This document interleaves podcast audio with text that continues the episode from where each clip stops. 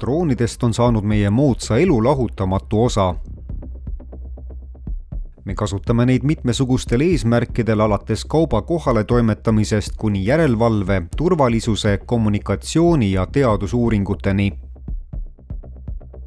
nii tsiviil- kui sõjalistel eesmärkidel kasutavad eraisikud ja spetsialistid neid üha rohkem on aga üks valdkond, mis ei pruugi meile kuidagi droonide kasutusega seostuda.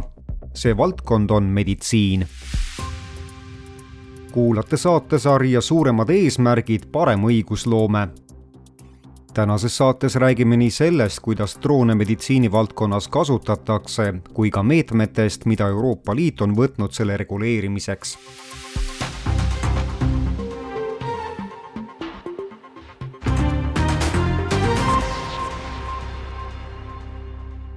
ilmselt on nii, et kui mõtleme droonide kasutamisele, tuleb meile esmalt meelde kas tehnikahuviliste inimeste eralõbu või mõni kaitseotstarbeline ülesanne. vaevalt küll, et me kõigepealt päästedroonidele mõtleme. ometi on droonidel meditsiinivaldkonnas oluline roll.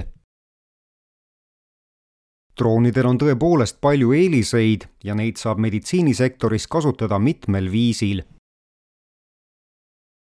esiteks, nende võime jõuda sündmuskohale palju kiiremini kui kiirabimeeskond võib päästa elusid.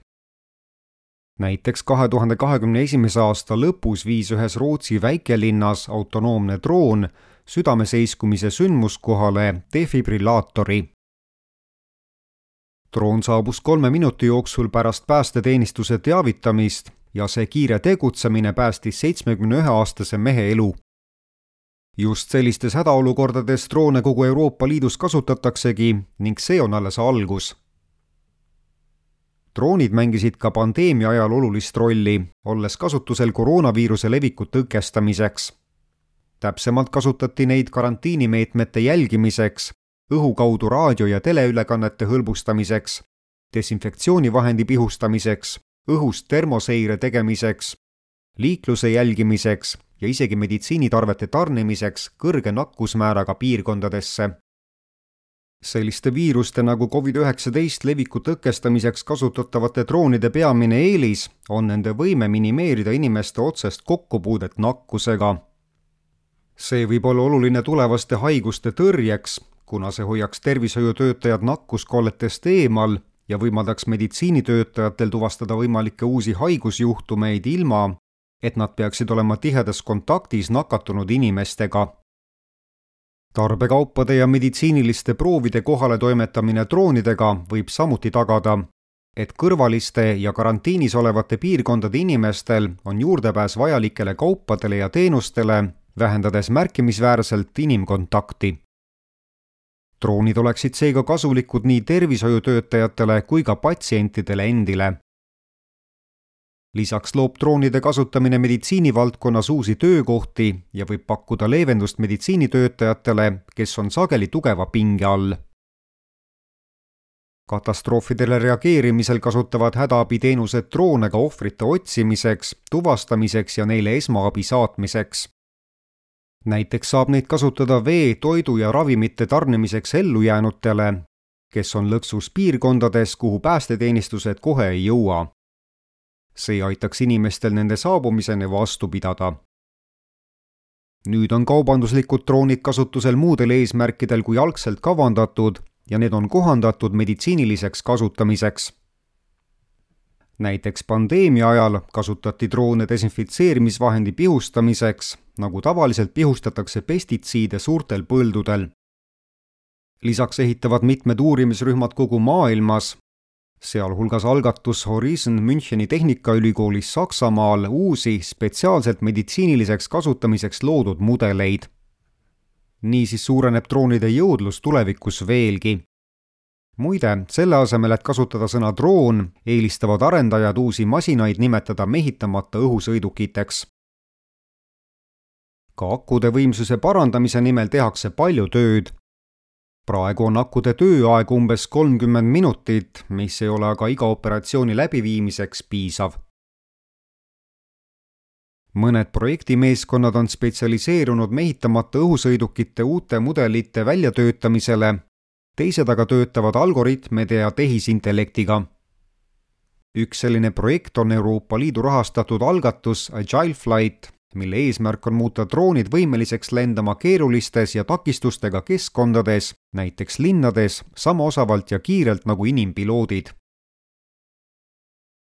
praegu liiguvad paljud olemasolevad autonoomsed droonid aeglaselt ja on õhku tõustes ja maandudes kohmakad. navigeerimiseks kasutavad nad sageli ka GPS-signaali, mis levib halvasti hoonete vahel ja mida siseruumides kasutada ei saa. Agile Flighti meeskond töötab välja ja katsetab droonidel algoritme, kasutades nii standardsete kaamerate kui ka niinimetatud sündmuskaamerate kombinatsiooni, et anda droonidele võime näha ümbrust, nagu inimesed või loomad seda näevad. see tähendab, et neil ei ole vaja lendamiseks välistaristut. drooni jõudluse suurendamiseks treenib meeskond tehisintellekti ja arvutisimulatsiooni abil algoritme, kasutades selliseid vahendeid nagu simulaatortarkvara, mida kasutatakse videomängude tegemiseks.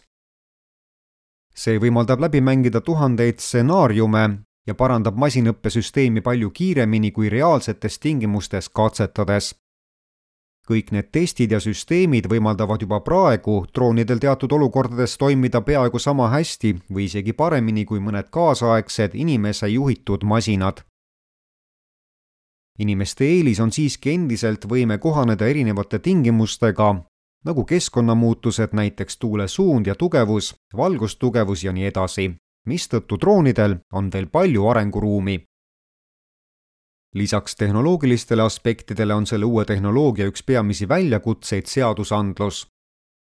nagu sageli areneb tehnoloogia palju kiiremini kui õigusaktid, mille uuendamine ja kohandamine võtab aega droonide puhul on esimene samm tsiviillennunduse ohutuseeskirjade ühtlustamine Euroopa Liidus.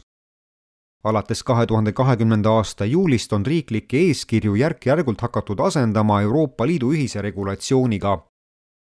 Need uued ühised eeskirjad võetakse vastu järk-järgult, alustades üldpõhimõtetest ja liikudes üksikasjalikumate standardite suunas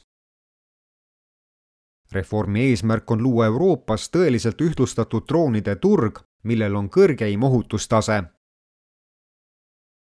oluline on ka eraelu puutumatus ja andmekaitse ning droonide kasutajad peavad järgima kohaldatavaid Euroopa ja riiklikke eeskirju. Euroopa Liit on sellest hästi teadlik ning on juba lisanud droonide ja mehitamata õhusõidukite kasutamise isikuandmete kaitse üldmäärusesse Euroopa Liit on aidanud nii professionaalsetel kui ka eraviisilistel droonide kasutajatel tutvuda selle tohutu hulga teabega, kaasrahastades drooni eeskirju käsitleva veebisaidi loomist. veebisait dronerules.eu on kättesaadav kahekümne kahes Euroopa Liidu keeles. ärgem unustagem, et ühe valdkonna täiustustel on sageli positiivne mõju ka teistele näiteks neid tehnoloogiaid, algoritme ja uusi mehitamata õhusõidukite mudeleid võiks tulevikus kasutada ka kosmoseuuringutes, põllumajanduses või isegi keskkonnakaitses. niisiis, nii meditsiinivaldkonnas kui ka mujal hakatakse droonide võimalikke kasutusviise Euroopa Liidus alles avastama. saate tõi teieni Euroopa Parlament. uurige lisaks parlamendi veebilehelt Think Tank